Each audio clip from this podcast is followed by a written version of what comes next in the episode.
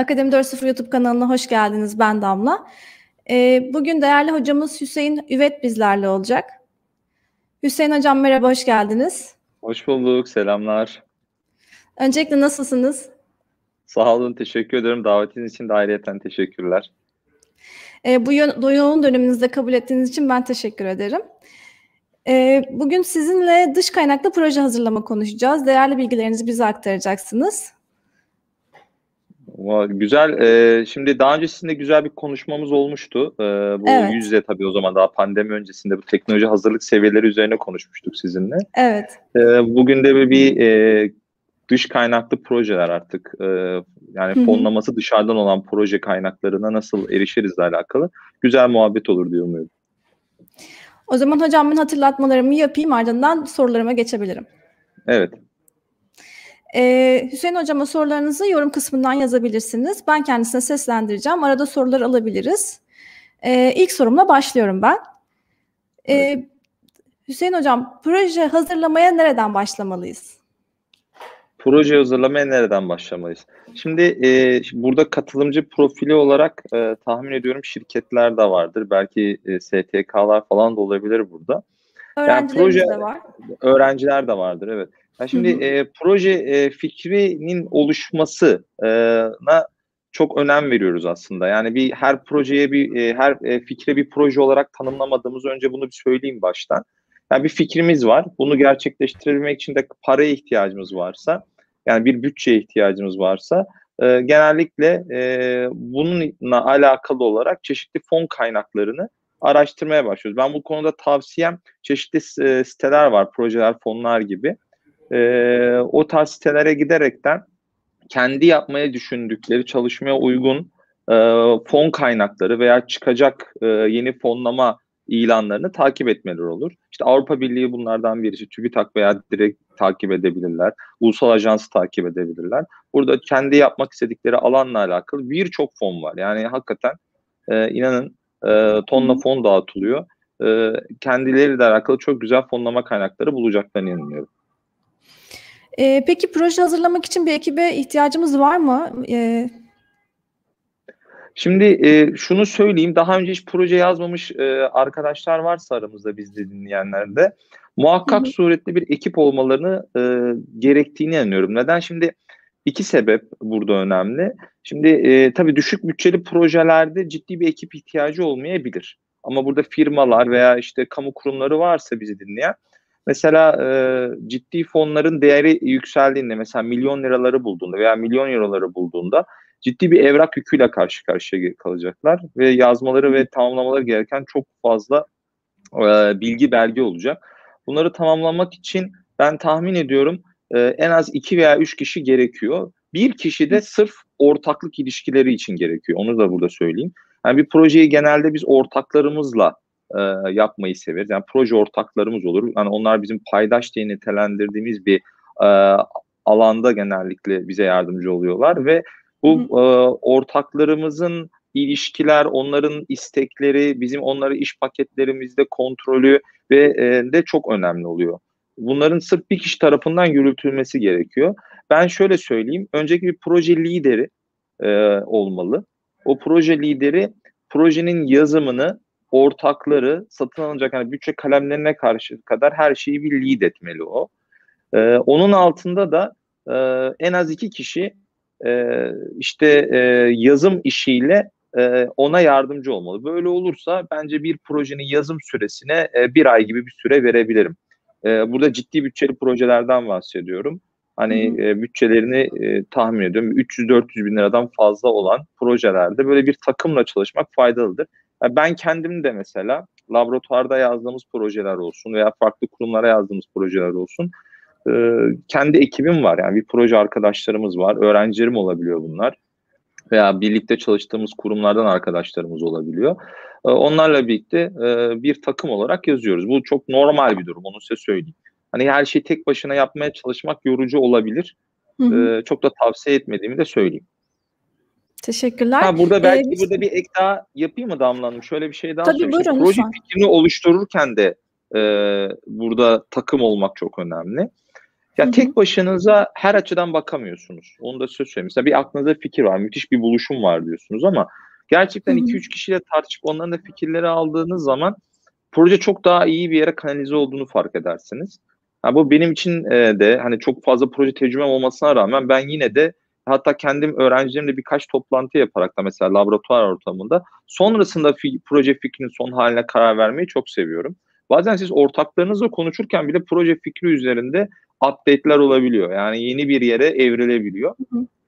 Sırf proje fikrinin oluşturulması ve yani kurgusunun oturması için e, yaklaşık iki hafta, üç hafta, bazen bir ay gibi bir süre vermelerini kendilerine tavsiye ediyorum. Bir ay gibi bir süreyi de böyle yazmaya verirlerse takımlarını bu konsept içerisinde, iki ay içerisinde bir işi nasıl tamamlarız şeklinde oluşturabilirler. E, takımla çalışmak şunu da engelliyor olabilir. Fikir körlüğü deniyor. E, hani bir fikre bağlı kalıp sonuna kadar onu savunmayı da engelleyebilir diye düşünüyorum. Tabii siz de böyle düşünüyorsunuz diye e, söyledim ama. Evet evet o da var. O da var doğru. Kesinlikle haklısınız o noktada. E, fikrinizi böyle biraz açık olmanız önemli. Hı hı. Kesinlikle sabit olmamak gerekiyor konuda.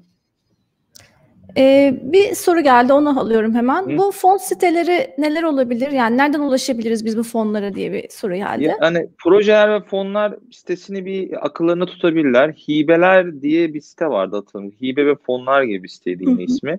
Bir bakabilirler. Burada e, çok güzel bir şekilde yayınlar oluyor. İşte Avrupa Birliği'nin kendi e, şey bizim ulusal ajansımızın kendi sitesi var. Avrupa Birliği Bakanlığı'nın altında. Orada e, çok güzel e, aylık e, olarak update'ler yapılıyor. En güzeli mesela Avrupa Birliği projeleri ise Avrupa Birliği'nin kendi sitesinden bakmakta fayda var. Yani çok ufak bir şekilde Google'a type etmeleri halinde bunlar çıkar.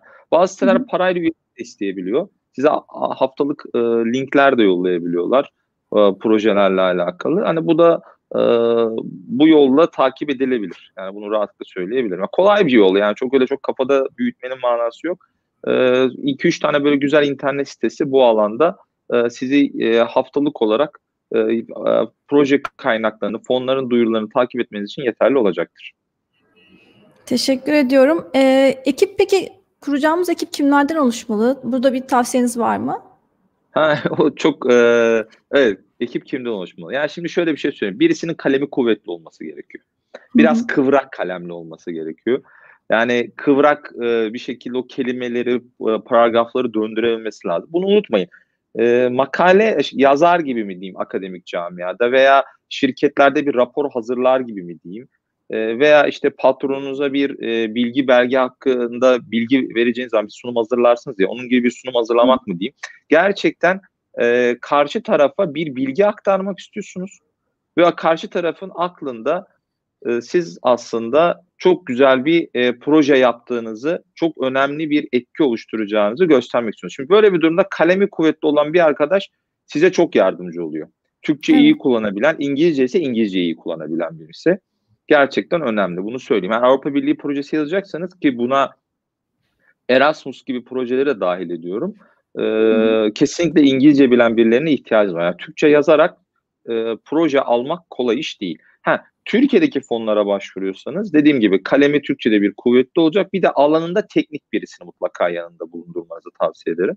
mesela engellilerle alakalı proje yapacaksınız. Engelli yaşamlarıyla alakalı gerçekten bilgi becerisi olan, o konuda sosyal içerme projelerinde daha önce bulunmuş veya bir şekilde onunla okumalar yapmış birisinin yanında, yanınızda olması çok önemli. Yine bu mühendislik alanı ise A keza, tıp alanı ise H keza. O konuda önemli e, bu işten anlayan birisi yanınızda bulunsun. Bir kişinin de bu işi e, tüm ayaklarını takip etmesi, aslında liderlik etmesi gerekiyor.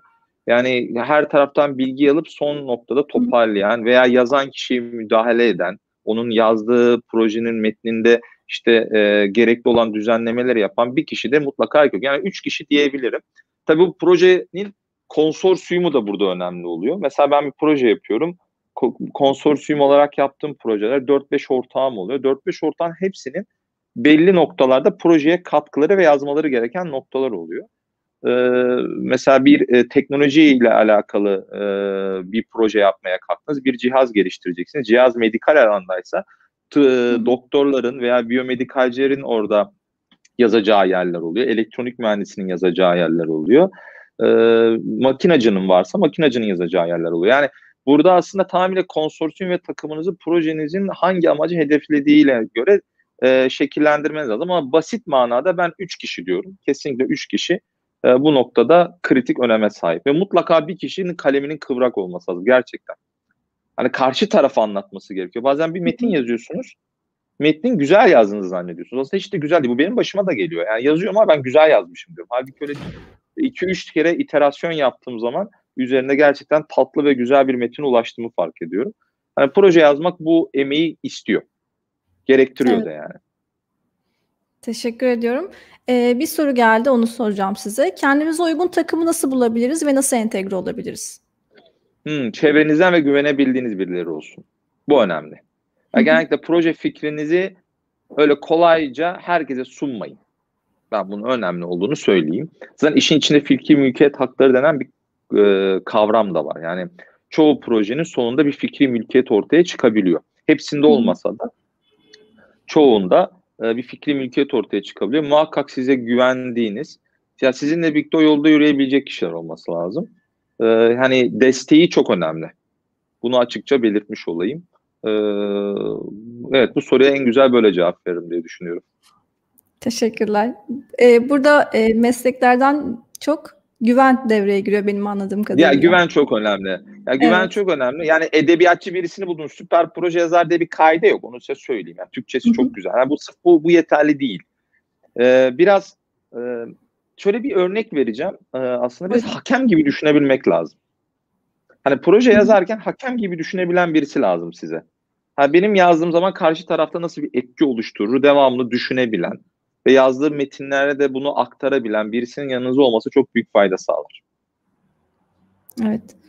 Ee, diğer soruma geçiyorum. TÜBİTAK ARGE projelerinde inovasyon nasıl yakalanır? Oo güzel. TÜBİTAK ARGE projelerinde inovasyon nasıl yakalanır? Önemli bir nokta. Şimdi inovasyon kelimesi e, günümüzün büyülü kelimesi. Hemen hemen e, hemen hemen her alanda inovasyonu bekliyor. Yani inovasyon deyince illa aklımıza yine teknolojik bir ürün olmak zorunda değil. İnovasyonun farklı farklı alt dalları var biliyorsunuz. Hani bir sosyal inovasyon da olabilir bu. Yani illa sayısal bir inovasyon ortaya çıkarmak zorunda değilsiniz. Şimdi TÜBİTAK projelerinde inovasyon kadar işin içerisinde ARGE içeriğinin de olması lazım. Yani o inovasyonu gerçekleştirebilmeniz için bir ARGE yapmanız lazım. ARGE ne demek? Hem araştıracaksınız hem geliştireceksiniz demek. Şimdi gerçekten araştırmanız gereken bir alan ve bu alan araştırdıktan sonra ortaya çıkarabileceğiniz biz genellikle TÜBİTAK projelerinde sonuç odaklı olarak bir ürün beklentisimiz olabiliyor. Yani sayısal alanda ama sosyal bilimler alanında kendi teknik literatürlerine katkı sağlayabilecek bilimsel verilerin ortaya çıkmasını bekleriz. Bu veriler de inovasyon kelimesine uyabilmesi için özgün olmasını bekliyoruz. Yani daha önce hiç kimse tarafından yapılmamış olmasına önem veriyoruz. Şimdi Türkiye'de şöyle bir algı var TÜBİTAK projelerinde. Çok karşılaşıyorum. Yani hakemlik yaptığım zamanlarla çok karşılaşıyorum. Ki e, şu anda TÜBİTAK'ın da genel algısının bu yönde olduğunu düşünüyorum. Kendim de hakemlik yaparken görüyorum hani sonuçları izlediğim zaman. Şimdi diyorlar ki hocam bir cihaz var veya bir ürün var e, veya bir e, çalışma var diyelim. Sosyal bilimleri de işin içine katalım. E, nerede yapılmış? Hollanda'da yapılmış diyelim veya İsviçre'de yapılmış. Biz bunu Türkiye'de yapacağız. Cihazsa cihaz orada yapılmış, burada da yapacağız. Biz işte cihazsa bu, biz bunu millileştireceğiz diyor. Çok meşhur günümüzün ünlü bir kelimesini kullanıyoruz. Millileştireceğiz. Acaba diyoruz bu millileştirme e, işiyle biz bunu başarabilir miyiz diyoruz. E, bu projeyi alabilir miyiz diyoruz. Çok kritik bir teknoloji değilse ve Türkiye'de ciddi bir cari açak kapatmayacaksa bu yapacağınız iş. Genellikle o projeyi çok da biz hakemler beğendiğimizi söyleyemem. Yani biz uluslararası düzeyde bir yenilik arıyoruz projelerde. Bu ARGE projeleri eğer şirket bazlıysa e, ürün muhakkak sonra da uluslararası seviyede yenilikçi bir şey olması önemli. Yok e, akademik proje ise zaten bu da lig daha da bir üst seviyeye çıkıyor. Kesinlikle ve kesinlikle daha önce hiç kimse tarafından çalışılmamış bir şey arıyoruz. Uluslararası Öyle düzeyde. Dikkat edin çok önemli. Çok Hı-hı. ciddi bir özgünlük arıyoruz. Öyle olunca da inovasyon kelimesinin altını doldurabilmek gerçekten önemli. Yani e, çok firma görüyorum. Hocam şuna e, işte altına şöyle bir motor daha takacağım. İşte daha önce hiç yapılmamış bir cihaz gerçekleştireceğim diyor ama hani belli bir inovasyonu tam olarak karşımıza önümüze koymuyor. Onun ARGE bileşenleri net bir şekilde konuşulmuyor. Belki hani tabii e, şu soruyu burada bunu anlatmak çok zor olacak belki ama inovasyon nedir, ARGE nedir? Bunlar arasındaki farklar da çok önemli. Hani inovasyonla ARGE'yi aynı kapı, şey e, terazide tartmamak lazım yani. Hani inovasyon bileşenin yanında ARGE'nin içeriğinin olmasını ayrı tartışmak lazım. O ayrı bir konuşma konusu olur belki ama e, rica edeceğim e, inova, inovatif ürün derken uluslararası düzeyde inovasyonu e, her proje yazmak isteyen arkadaşın düşünmesini öneririm. Yalnız buna bir noktalı virgül koyalım burada. Şunu unutmamak lazım. Sosyal içerme olan projelerde e, bunlar kamu kurumları çalışıyor. Valilikler, belediyeliklerde onlar çok oluyor. Hollanda'daki örneği vereyim yani. Hollanda çok güzel bir örnek var. Orada mesela engelli vatandaşlarımız veya e, işte belli gelir düzeyi düşük vatandaşlar için orada bir çalışma yapılmış. Diyorsunuz ki ben bu çalışmayı alacağım. Nerede deneyeceğim? Diyarbakır'da deneyeceğim. Ve sonuç alacağım derseniz bu benim için inovasyondur. Bu benim için yeterlidir. Yani sosyal içerme e, olduğu zaman konuda farklı bir mecrada konuşmuş oluruz. Bunu da burada belirtmiş olayım. Yani e, muhakkak. Evet bu faydadan dolayı. Çünkü aynen dediğiniz gibi. Çünkü burada bir fayda yani sosyal bir fayda ön plana çıkıyor. Yani orada çok güzel yapmışlar, müthiş sonuçlar almışlar. Hadi alalım bunu Türkiye'de de deneyelim. Deneyin. Niye denemiyorsunuz ki? Hani gidip yani bir daha yeniden bir şey icat etmenin manası yok. Orada çok güzel denemiş, uygulanmış. İşte bakarsınız e, şartlar birbirine uyuyor mu diye alırsınız kendi ülkenizde denersiniz. Hani projeleri de o noktayı böyle bir ayırayım demek istedim size. Ee, ama diğer türlü bir akademik çalışma yapılacaksa, yok bir ürün bazı çalışma yapılacaksa yani e, iyi bir proje, çok iyi bir proje diyeyim, iyi demeyelim de çok iyi bir proje düşünüyorlarsa muhakkak surette uluslararası düzeyde bir inovasyon gerçekleştirmeyi hedeflesinler mutlaka. Hele ki bütçelerin bu kadar kısıldığı, e, competition arttığı, e, projecilik noktasında farkındalığın yükseldi. Yani hemen her kurumun artık biz de bir proje yazıp bu e, işin içerisinde olalım dendiği, proje olmanın saygınlık getirdiği bir ortamda e, şartlar zorlaştı. Çok kişi yazıyor. Onların arasında öne geçmek istiyorsanız tekrar et, tekrar tekrar söyledim ama uluslararası düzeyde bir inovasyon olsun mutlaka. Yani yerimiz Şampiyonlar Ligi. ya Şampiyonlar Ligi aslında bu böyle. Bak çok zor. İnanın çok fazla proje var. Yazılıyor. Eskisi gibi değil. Eskisi gibi değil. Yani bundan bir 5 sene öncesi gibi değil. Neden diye sorarsak nedeni belki başka bir konuşma konusu olur yani. Ama e, gerçekten çok fazla proje başvuruları var. Ya ben en ücra köşelerden bile ve hiç beklemediğim bir yerde bile proje e, çağrıları e, bir şeyler yazmak isteyen insanları görüyorum. Yani bu yeme içme sektöründe bile başladı. İnanabiliyor musunuz? Yani şimdi diyeceksiniz ki Adana kebap ne alaka diyebilirsiniz belki ama hiç alakası yok. Çok ilginç şeyler var. Yani onlar da mesela COSGAP'e çok ilginç projelerle gitmek isteyen kişilerle daha önce konuşmuşluğum var. Öyle söyleyeyim size. Bu herhalde biraz da teşviklerin artmasıyla ilgili diye düşünüyorum. Yani çok proje var. E, çok da demek ki kurum da var gibi düşünüyorum ama son yani zamanlarda seneye göre çok arttı mı? 4-5 sene yok aslında hep aynı sayıdaydı. Hani belki 10 seneye göre karşılaştırırsak Hı-hı. çok haklısınız. Ama şimdi bu zamanımız hani 5-6 sene önceki kadar yine o kadar sayıda proje farklı farklı proje çağrıları var yani. Avrupa Birliği zaten vardı. Biz evet. çok farkındalığımız düşüktü. Yani ülke olarak düşüktü. O da hep oradaydı. Ha, kendime de burada taşı atabilirim. Yani ben de bazen aa böyle bir çağrı almış niye hiç oturup yazmadım falan diyorum mesela. Kendim en son aldığım çağrı öyle bir para aldık mesela en son bir projede. Ben o kadar kendim böyle bir insanlara eğitiyorum. Ya dedim ki niye kendime bir tane oturup yazmadım şimdiye kadar değil. Oturdum işte yazdım kendim aldım de, o gibi oldu ama yani kendim bile oturup yazmamışım. Bu LinkedIn güncellemenizde gördüm ben de. Öyle mi? evet evet yani o hiç oturup niye hiç yazmadım bilmiyorum ama oturdum yazdım yani. Ya bu biraz böyle bir durum öyle size söyleyeyim. Anladım hocam. Hepimiz yani biraz iğneyi kendime de batırabilirim burada. ee, ben sorularımı alayım devam mı edeyim kendi sorularımı onlara bir kontrol edeyim. Valla sor, sorabilirsiniz bakabiliriz orada sorular var sorudan da e, yürüyebiliriz. Tamam, e, hemen soruyorum sonra devam edeceğim. Projeler, tamam. Projelerde özellikle malzeme isteklerinde kesintiler olmaktadır. Bunun üstesinden gelmede önerilerinizi merak etmekteyim. Çok güzel bir soru. Malzeme isteğinizde sıkıntı varsa e, muhakkak surette iş paketlerinizde o malzemeye neden ihtiyacınız olduğunu bir güzel anlatın. Yani iş paketinde o malzemeye niye ihtiyacınız olduğunu anlamazsam ben hakem olarak ben onda gider kesinti yaparım. Bir şeyi de çok güzel anlarsam, hakikaten bunun ihtiyaç olduğunu anlarsam da yapmam o kesintiyi. Bakın biz hakemler niye kesinti yapıyoruz bütçede? Şunun için yapıyoruz. Alıyorum elime bütçeyi, yazmış 1 milyon liralık bütçe. Yapılacak işe bakıyorum. Yapılacak iş nerede anlatılıyor? E, sizin aktiviteleriniz anlatıyor. Yapılacak işe bakıyorum. Orada tarif ettikleri şeylere bakıyorum. Diyorum ki ya bu işi yapmak için bu kadar paraya ihtiyaç yok. Niye bu kadar kalabalık bütçe yazmışlar deyip kesiyorum. Bakın bu kadar. Peki bunu yaparken niye dayandırıyorum bunları? Yazmışsınız 3 tane bilgisayar. Yapılacak işe bakıyorum. 2 bilgisayar da buna yeter. Yani iki bilgisayarın çok güzel oradaki amacı açıklanmış ama üçüncü bilgisayarınki açıklanmamış.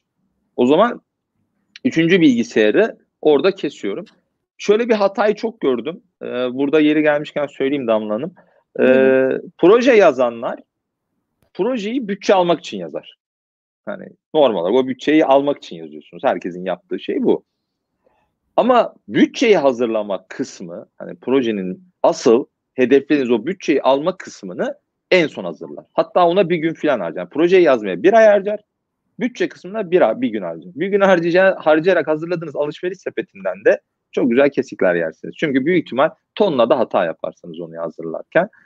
Diyeyim e, burada bunu bu şekilde anlatmış olayım. Yani daha fazla hani, e, baş, başka bir trik yok burada. Yani ben hakem önüme geldi ya, ve almak istediğiniz bütçeyi de ben yapmak istediğiniz işlerle çok güzel bir şekilde eşleştiremiyorsam fazlalıklar görüyorsam onları bütçenizden kesiyorum. Ha şunu da yapıyorlar. 10 bin liralık bir ürünü 20 bin lira gösterip hani ne de olsa keserler diye bir yaklaşım açısı da var. Aslında yanlış bir bakış açısı. Çok yanlış bir bakış açısı. Aslında bu kolay kolayca bir bakış açısı. Onu size söyleyeyim.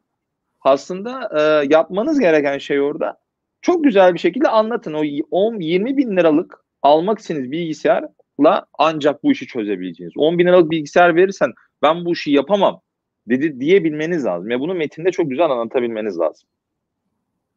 Bunu da böyle söyleyeyim. Anladım. Teşekkürler. Ee, proje özgün ve inovatif olsa bile iyi yazılmadığı için kabul edilmemesi mümkün mü? Yani kendini mümkün. anlatmadığında. Evet, kesinlikle. Yani mesela burada ben e, çoğu eğitimde şu örneği veririm. Burada da söylemiş olayım.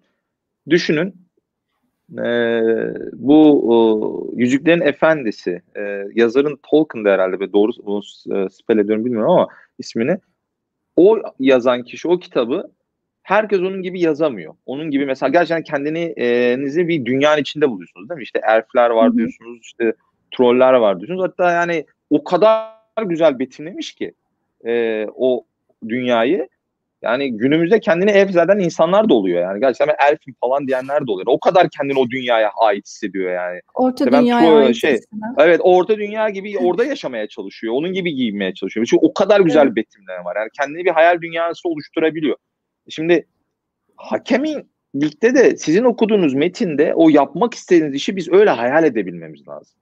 Çok güzel bir iş yapmak istiyor olabilirsiniz ama bana öyle hayal ettiremezseniz yani ben sizin projenizin içine giremezsem projenizin detayları arasında o başarmak istediğinizi göremezsem ben projenize şu cümleyi kurabiliyorum bakın. Okurken hakem olarak söylüyorum. Güzel bir fikir ama olgunlaşmamış diyorum. Hı hı. Reddedelim. Arkadaşa da güzel bir sonuç hazırlayalım. Olgunlaştırsın bir daha başvursun diyoruz. Mesela bir kurum bir daha başvursun diyoruz. Bakın bu cümleyi kuruyoruz. Red gerekçesi direkt bu oluyor yani. Tabii bunu daha detaylı gerekçe anlıyorum. Çünkü konuşma için böyle kısa söylüyorum ama genellikle bu oluyor. Anladım.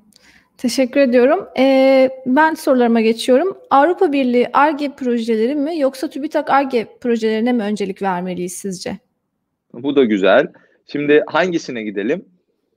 Yani e, şöyle bir şey bizim Türkiye'deki projecilikteki en büyük sıkıntımız yaparken ki değişen dalgalı kur yapısı. Yani bizi en çok zorlayan şey o. Ee, yani bir projeye başlıyorsunuz. E, proje iki senelikse ilk başlarkenki kurla bitirirkenki kur aynı olmuyor. Evet. Ne yazık ya bu süreçlerde en büyük yaşadığımız sıkıntı bu. Şimdi bu kurudan dolayı kaynaklanan zararı da e, TÜBİTAK olsun, işte ajansa ajans olsun kesinlikle sahiplenmiyor. Bunu bir şekilde çözün diyor size. Yani şimdi size bir şekilde çözün ve o şekilde bir şekilde o projeyi yapın dedikleri zaman siz alternatif yollar aramak zorunda kalıyorsunuz ki o da alternatif yollarda genellikle yapmaya çalıştığınız projelerin değerini aşağı çekiyor. Ya biz size zamanda bu parayı dolar olarak vermiştik. Yani Türk parası olarak verdik. Yine Türk parası. Siz hesabınızı ona göre yapın. Şimdi o bütçe şişirme noktasında da onu çok gördüm. Bakın devletin bu yöndeki e, veya devlet demek doğru mu bilmiyorum burada. Kurumların bu yöndeki e, işte kararı bu sefer de projeyi hazırlarken ben e, işte ithal bir ürün alacaksınız, projede kullanacaksınız. Bakıyorsunuz 7 bin lira, e, 7 bin dolar bir fiyat koymuşlar. Diyorsunuz ki ben bunu şu günlük e, işte dolar kuruşu fiyat ama ben şunu biraz daha yukarı 5 ise 6 7 ile çarpayım öyle fiyatını yazayım diyorsunuz. Güvenemiyorsunuz yani o noktada. Bu da bütçeyi şişirebiliyor. Yani az önceki soruyla da aslında biraz ilintili bir şey oldu ama hani hı hı. bu Türkiye'de proje yapmanın aslında e, zorluklarından biri. E, ciddi bir zorluk. Özellikle firmalarda e, ben bunu çok gördüm. E, hani başlarkenki kur ve bitirirkenki kur arasındaki farklılıklardan dolayı çok muzdarip olana rastladım. Hani ben şu bana gelip şu hakemlik yap, izleyici hakemliği yaptığım firma şu cümleyi kuruyor. Ben soracağım yani kur değişti ne yapayım ben de buna gittim diyor. Şimdi siz de hakemsiniz oraya bir şey yapmaya çalışıyorsunuz. Bir şey ortaya koymaya çalışıyorsunuz. çalışıyorsunuz. Ee, işte bu nasıl çözüme ulaştırmışlar, nasıl bir yol izlemişler, nasıl bir B plan ortaya koymuşlar onu görmeye çalışıyorsunuz. Yani bu sıkıntıyı ve bu stresi yaşamak istemiyorsanız Avrupa Birliği iyi bir seçenek. Yani Avrupa Birliği iyi bir seçenek. Yalnız Avrupa Birliği'nde de e, işler çok kolay değil.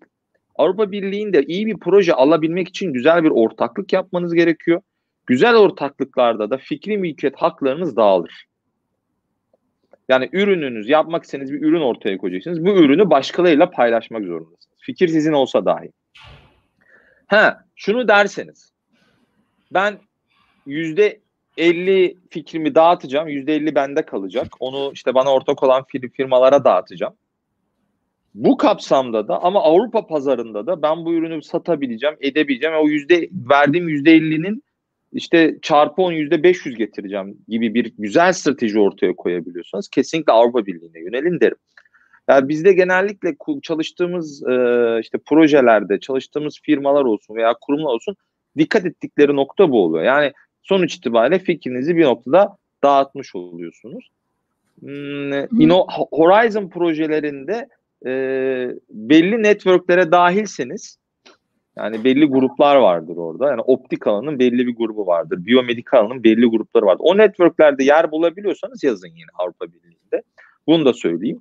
Hani Erasmus gibi proje başlıkları genellikle ulusal ajans tarafından hakem e, şey iz, e, değerlendiriciliği yapıldığı için farklı bir kul var orada. Ama Horizon gibi bir ortama taşıdığınız zaman mevzuyu tamamıyla dış değerlendiricilere gidiyorsunuz. Orada güçlü oku, ortaklarınız olması gerekiyor ve o o noktada da dikkat edin güzel bütçelerle çok iyi ortaklara çok iyi şeyler öğrenebiliyorsunuz. Bunu da burada belirteyim. Avrupa Birliği'nin öyle çok büyük bir avantajı var. Ortaklarınız çok iyiyse yani e, düşük profil ortaklarla bir proje yazmadıysanız ortaklarınızdan da şirketinizi geliştirmek için çok güzel şeyler öğrenebilme fırsatınız var. Ben ne olursa olsun Avrupa Birliği projelerine gidin derim. Ee, ama e, Avrupa Birliği projelerinde daha hiç başvurmadıysanız ilk kere de başvurdum aldı alacağım bu projeyi gibi bir düşünceniz olmasın. Kolay iş değil. Hani bunun için 2-3 kere devinmeni, devinime girmeniz. Devamlı başvur, red gelsin, bir daha başvur, bir daha red gelsin. Üçüncü de kabul ettirebilirsiniz. Ama böyle bir süreç olduğunda unutmayın. Ee, yani öyle basit de olmadığını söylemek için e, burada özellikle vurgulamak istedim bunu. Ee, ama hani Avrupa Birliği projeni kesinlikle ilk sıraya koyarım. Sonrasında da TÜBİTAK gibi işte günümüzde e, bakanlıkların farklı proje çağrıları gibi veya TUSEP gibi yerlere giderekten proje başvurularını yapabilirler. Ama ben Avrupa Birliği'nden yanayım. Sevdiğim sebeplerden dolayı. Teşekkürler. Ee, hemen bir soru alıyorum. Yurt dışı destekli projelerde en önemli sorun fikir bulmaktan ziyade yabancı partner bulmak. Bu fikre katılıyor musunuz? Yani sizce bu zor bir süreç mi? Yabancı partner bula, bulma noktasında şunu söyleyeyim. Ee, aslında he, işin e, iki tarafı var. Aslında haklı olduğu taraflar var. Zorlanabiliyorsanız, zorlanabilme durumunuz yüksek. Hı hı. Ee, burada e, çeşitli e, şöyle söyleyeyim siteler var. Avrupa Birliği'nin içerisinde de var bu siteler. Genellikle çağrı yaptığınız zaman ortak aramak için e, bu siteleri kullanabiliyorsunuz. Bu birinci nokta. İkinci nokta Horizon yazıyorsanız bakın bunu kesinlikle özellikle vurgulamak istiyorum. Eğer Horizon başlığı üzerine şimdi yenisi Horizon Europe oldu. Horizon Europe başlığı altında yazacaksanız TÜBİTAK zaten size destek veriyor ortak bulmanızda. Yani bir konsept not oluşturacaksınız. İngilizce bir metin. Ee, orada onların ilgisini çekeceğini ve ortaklardan beklentilerinizi belirteceksiniz orada ve bu şekilde ortak arayışına geçebilirsiniz. Ee, şöyle söyleyeyim. Avrupa Birliği projesi yapmak isteyen, Avrupa Birliği projelerinden faydalanmak isteyen, orada kendini göstermek isteyen tonla firma, tonla üniversite, tonla STK, tonla vakıf var. O yüzden bence e, bu dediğim noktalarda yani bir ortak arama siteleri, iki TÜBİTAK kullanmayı iyi bilelim. E, diğer türlü hiçbir şekilde ortak aramakta zorluk çekmeyiz. Ortak bulmakta zorluk çekmeyiz pardon. Teşekkür ediyorum. Ee, ben kendi hazırladığım sorularımı bitireyim. Ardından katılımcılarımızın sorularına devam edeceğim. Tamam olur Ünü- Damla Hanım. Üniversite sanayi işbirliği hangi proje seviyelerinde karşılanması gereken bir ihtiyaç olmalıdır? Hangi seviye dediniz pardon? Ee, üniversite sanayi işbirliği hangi proje seviyelerinde karşılanması gereken bir ihtiyaç ha. olmalıdır? Şimdi burada e, seviyeyi şöyle tarif edelim. Teknoloji hazırlık seviyeleri olarak tabir edelim. Genellikle üniversitelerin e, şimdi te, e, üniversite sanayi işbirliğinde beklenen şudur. E, üniversitenin elinde bir bilgi birikim vardır. Bu bilgi birikimini sanayiye aktarmasını beklenir. Şimdi bu sanayiye aktarırken iki yol oluyor. Bir, akademisyen diyor ki benim elimde böyle bir fikir var. Bir firma buluyor. O firma diyor gel bu projeyi seninle birlikte yapalım. Bu bir yolu. İki, akademisyenin bir sorun, pardon, firmanın bir sorunu var. Firma diyor ki e, geleyim e, bu o, e, hocayla çalışayım, onun bilgilerinden faydalanayım, bu ürünü geliştireyim. Şimdi e, teknoloji hazırlık seviyesi olarak da bizim Türkiye'de ki patron yapımız e, şöyle hemen ürün istiyor. Yani kesinlikle bir e, sabırla bir 5-6 sene gibi bir süreci bir ARGE sürecini kesinlikle e, aslında şu kelimeyi kullanacağım biraz kötü olabilir ama özür dilerim bilmeyen bir aslında patron dünyamız var. Yani 6 sene 10 senelik researchlerin e, yani bir, o, o 10 sene sonranın ürünü şu olabilir. Hadi buna bir research geliştirelim diyen firma sayısı herhalde bizim Türkiye'de bir elin parmaklarına geçer mi bilmiyorum.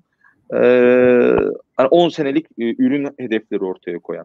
Şimdi kısa dönemlik hemen yapalım, geliştirelim ve ortaya çıkaralım konularında çalışmak istediği zaman sanayici e, burada teknoloji hazırlık seviyeleri dediğimiz seviyelerde 5'i bulmuş yani lab ölçeğinde bir prototip noktasına gelebilmiş ve bunu e, teknoloji hazırlık seviyesi 6'ya çıkarabilecek e, bir ürün varsa ellerinde bu konuda üniversiteden yardım istesinler. Öbür türlü %99 hayal kırıklığına uğrayacaklar. Neden? Akademik dünya hızlı ilerlemez. Patronun oradaki ataletine uymaz. Akademik dünya biraz daha yavaş. Bu bizim Türkiye has bir şey değil bu. Biz araştırmada aceleye gelmeyi seven bir e, grup değiliz hocalar olarak. Yani biraz daha temkinli yaşlarız, e, temkinli yaklaşırız, verifikasyona çok önem veririz yaptığımız çalışmanın doğruluklarını çok farklı yerlerden ispatlamaya çalışırız. Bizim buna önem verdiğim, biz çünkü direkt kar amacı gütmediğimiz için böyle bir kaygımız yoktur. Ama herkese e, patronlar firmalar da patronlar dünyası da hemen koyduğu paranın karşılığını almak ister. İşte bu noktada e, zaten en büyük sorun çıkıyor. Bizim Türkiye'deki üniversite sanayi işbirliğinde özellikle e, e, yaşadığım veya gördüğüm en büyük problem buradan kaynaklanıyor. Şu cümleyle en son e, ya biz bir hocaya çalıştık ama hiçbir şey elde edemedik diyorlar. E, çünkü en büyük sebep buradan ortaya çıkıyor. Ben e, tavsiyem e, eğer ki üniversitedeki bilgi birikim var, bunu faydalanalım gibi bir fikir varsa hoca şey sanayicileri e, o bir ürünü geliştirelim diyorsa hocanın muhakkak sürede o ürünün bir prototipini daha önce geliştirip geliştirmediğine bir baksınlar onu nasıl geliştirdiğini, hangi seviyelerde olduğunu görüp ona göre karar versinler. Kendi sistemlerini uygulayıp uygulamayacaklarını. Sanayici tarafında ise eğer ki e, bir proje yapacaklarsa e, muhakkak suretle teknoloji olgunluk seviyesi 5'i geçmiş bir çalışmayı üniversiteyle yürütmeye gayret göstersin. Yani bizim bir, bir yardıma ihtiyacımız, bize böyle bir alanda çalışan bir e, üniversite hocasına ihtiyacımız var dedikleri zaman fikirlerinin teknoloji 5'in altına indiği yerde araştırma süresinin 3 seneleri, 4 senelerini belki 5 senelerini bulabileceğini unutmasınlar. E, diğer türlü e, yani hayal kırıklığı çok oluyor onu size söyleyeyim. Bu çok yaşanan bir örnek olduğu için. Biraz uzun uzun anlattım. Teşekkür ediyorum. E, o zaman ben sorulara geçiyorum. Katılımcılarımızdan gelen soruları söyleyeceğim şimdi size. E, bütçe proje bütçesini hazırlarken ekonomik dalgalanmalara ne yapabiliriz?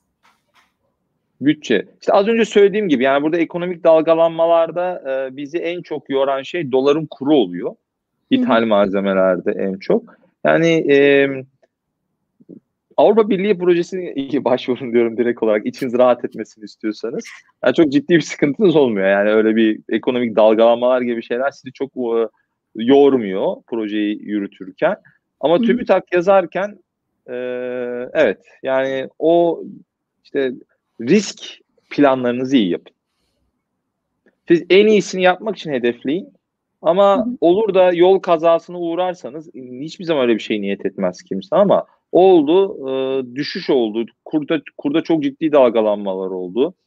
E, bir B planınız olsun. Yani yine de o işi bitirebilmeniz lazım. Bunu unutmayın. Eğer bitiremezseniz projeyi güzel bir şekilde tamamlayamamış bir yürütücü olursunuz. Aman dikkat yani. Çok önemli bir konu. Ee,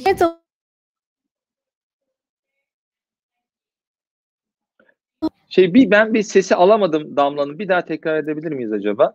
Şimdi beni duyuyor musunuz? Evet, evet. Tamam. Hizmet alımı ile demirbaş malzeme alım alımı seçimi konusundaki görüşleriniz nelerdir?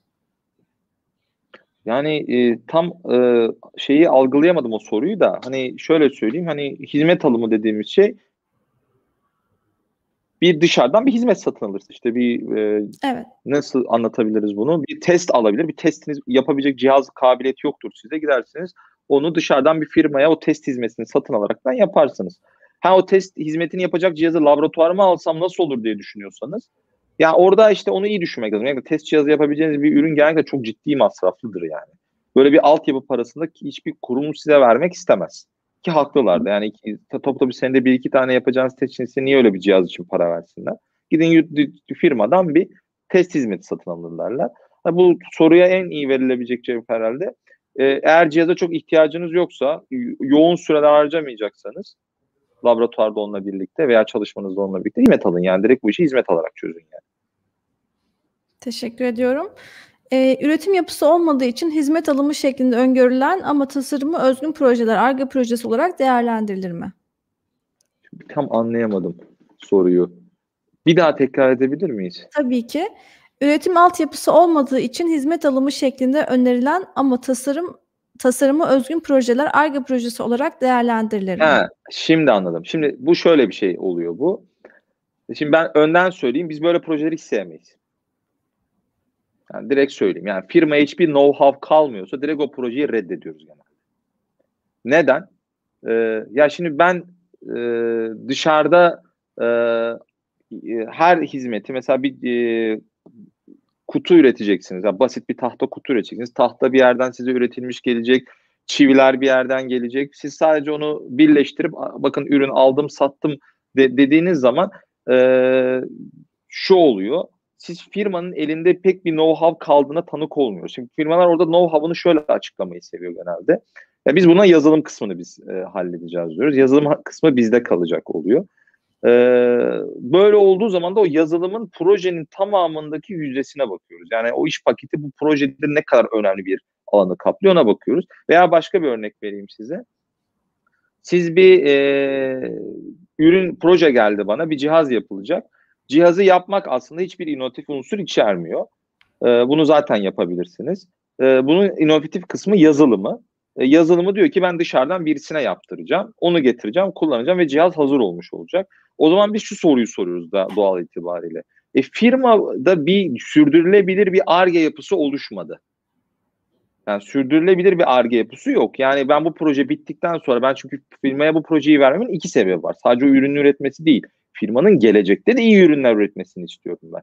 Yani ben o proje hibeyi niye veriyorum ki sana? Ben sürdürülebilir bir ARGE yakala ki orada gayri safi milli hasılaya katkın olsun. Üret, şey, sanayiye e, ciddi e, yenilikçi ürünlerle e, sadece bir değil ürünlerle katkı sağla diye biz, biz o parayı aslında hakem olarak öyle düşünüyoruz. O parayı sana o yüzden veriyoruz. Ama sen diyorsun ki ben en kritik ürünlerde hiç bende know-how kalmayacak. Her şeyi gideceğim oradan getireceğim. Kendimde birleştireceğim. İkinci ürünü yapmak istediğim zaman yine bende bir şey yok. Yani bende yine elimde bir şey. Yine gideceğim onları dışarıdan alacağım. Çok sevip tasvip etmediğimiz bir yöntem. Beğenmediğimizi özellikle vurgulayayım yani. Kesinlikle bu yollara girmesinler. Hakemler bu işi çok irdeliyorlar. Anladım. Ee, devamı niteliğinde bir soru var. Ee, bunu akademik bir proje olarak değerlendirebilir misiniz? Demek ki sorunun devamı. Böyle bir şey. Yok, akademisyenlikle hiç alakası yok böyle bir şey. Akademik bir Yani proje. bu akademik, akademik dünya dediğiniz şey e, teknik bir literatüre katkı, bir bilgi üretmektir. Burada bilgi üretme yok ki. Hı hı. Ya bilgiyi siz üretmediğiniz sürece ne manası var ki? Onlar yapsın o zaman. Onlar yayınlasınlar yayınlarını, patentler. Patent aslında çok akademik görülmez aslında. Yani asıl iş yayındır. Ee, bir akademisyenin asıl yapacağı iş o noktada. Ee, yani patent dediğiniz şey yani liseli öğrenci de yazıyor. Yani o hani bir akademik çok büyük bir unsur içermez yani. Ama e, akademisyen dediğiniz kişi de bilgi üretme dediğimiz, e, literatüre katkı dediğimiz kısımları ön plana çıkardığımız için o anlatılan şey e, zaten akademisyen akademik bir yönle hiç alakası yok. Onu özellikle vurgulayayım. Yani doğru anladıysam soruyu. Yani hiç akademik bir yön göremedim o soruda. Anladım. Ee, başka sorunuz var mı katılımcılarımız? Değerli katılımcılarımız Hüseyin Hocama. O zaman şöyle yapalım. Ben sizden son bir tavsiye alayım proje yazacaklara. Bir tavsiye. Bir Son- son tavsiye bir tavsiye, yapabiliriz? Evet. Yo güzel bir tavsiye olsun. Şimdi düşünüyorum ne verebiliriz tavsiye diye. Ee, proje yazmaya ilk başta söylediğimiz aslında size kısma. Ya proje yazma eğer ilk kez yazıyorlarsa proje deadline'ı dediğimiz o son başvuru süresi ve iki ay kala projeyi yazmaya başlasınlar. Bir ay kala değil. Bir En ay kala yazan proje evet evet. Yani bir ay kala yazılan projeler kör ve topal oluyor yani. Çok ciddi sıkıntı. Yani çok ciddi bir proje yazma deneyiminiz yoksa kendinize muhakkak suretli bir proje yazmak için iki ay süre tanıyın. Bir ay projeyi kurgulamak, bir Hı hı. ay yazmak diye. Peki Böyle bütçe nasıl gitmeli? Ee, eş zamanlı mı hazırlanmalı bütçe? Yoksa Ee, proje... bütçe bütçe e, son bir ayda e, zaten kurgu oturduktan sonra projenin kurgusu oturduktan sonra zaten 3 aşağı 5 yukarı demeyeyim tamamıyla neler satın alacağınız ortaya çıkmış demektir. Orada Hı hı. da oturup böyle e, teker teker o alacağınız e, hizmetler mi olacak, demirbaşlar mı olacak, sarflar mı olacak onların fiyatlarını çıkartıp alt alta koyabilirsiniz. İşte bazı başvurularda proforma isterler bazılarında istemezler. Yani o tamamıyla başvuru çağrısını yapan kurum, kuruluşla e, alakalı bir durum. E, hı. ama bir ay bir süre içerisinde bence paralelde de bütçelerini de tamamlasınlar. Ee, son bir soru var. Alayım hocam. Öyle tamam onu da bakalım. Ben de saatime baktım buradan. Evet. Ee, fikri mülkiyet konusunda kurulacak bir şirkette ortaklık oranı konusunda önerileriniz var mı? Ha bu çok e, çok problemli bir alan. Öyle söyleyeyim size. Yani çok çok problemli bir alan. Yani fikri mülkiyet zaten işin en önemli noktası. Herkes sonuçta ortaya çıkan e, bir e, ürünün veya fikrin olgunlaştığı seviyenin hakkına sahip olmak istiyor. Katkıyı nasıl yapacağınız önemli. En çok katkıyı kimin koyduğu önemli bunu yaparken. Günümüzde bunu şöyle yapıyoruz. Özellikle Avrupa Birliği projelerinde. Başlarken şu cümleyi kuruyoruz. Diyoruz ki biz e, projeyi yapacağız.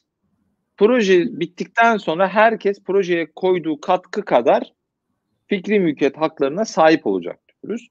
Mesela şu andaki en çok güdülen yön ya yapılan yöntem bu. Hani fikri mülkiyette.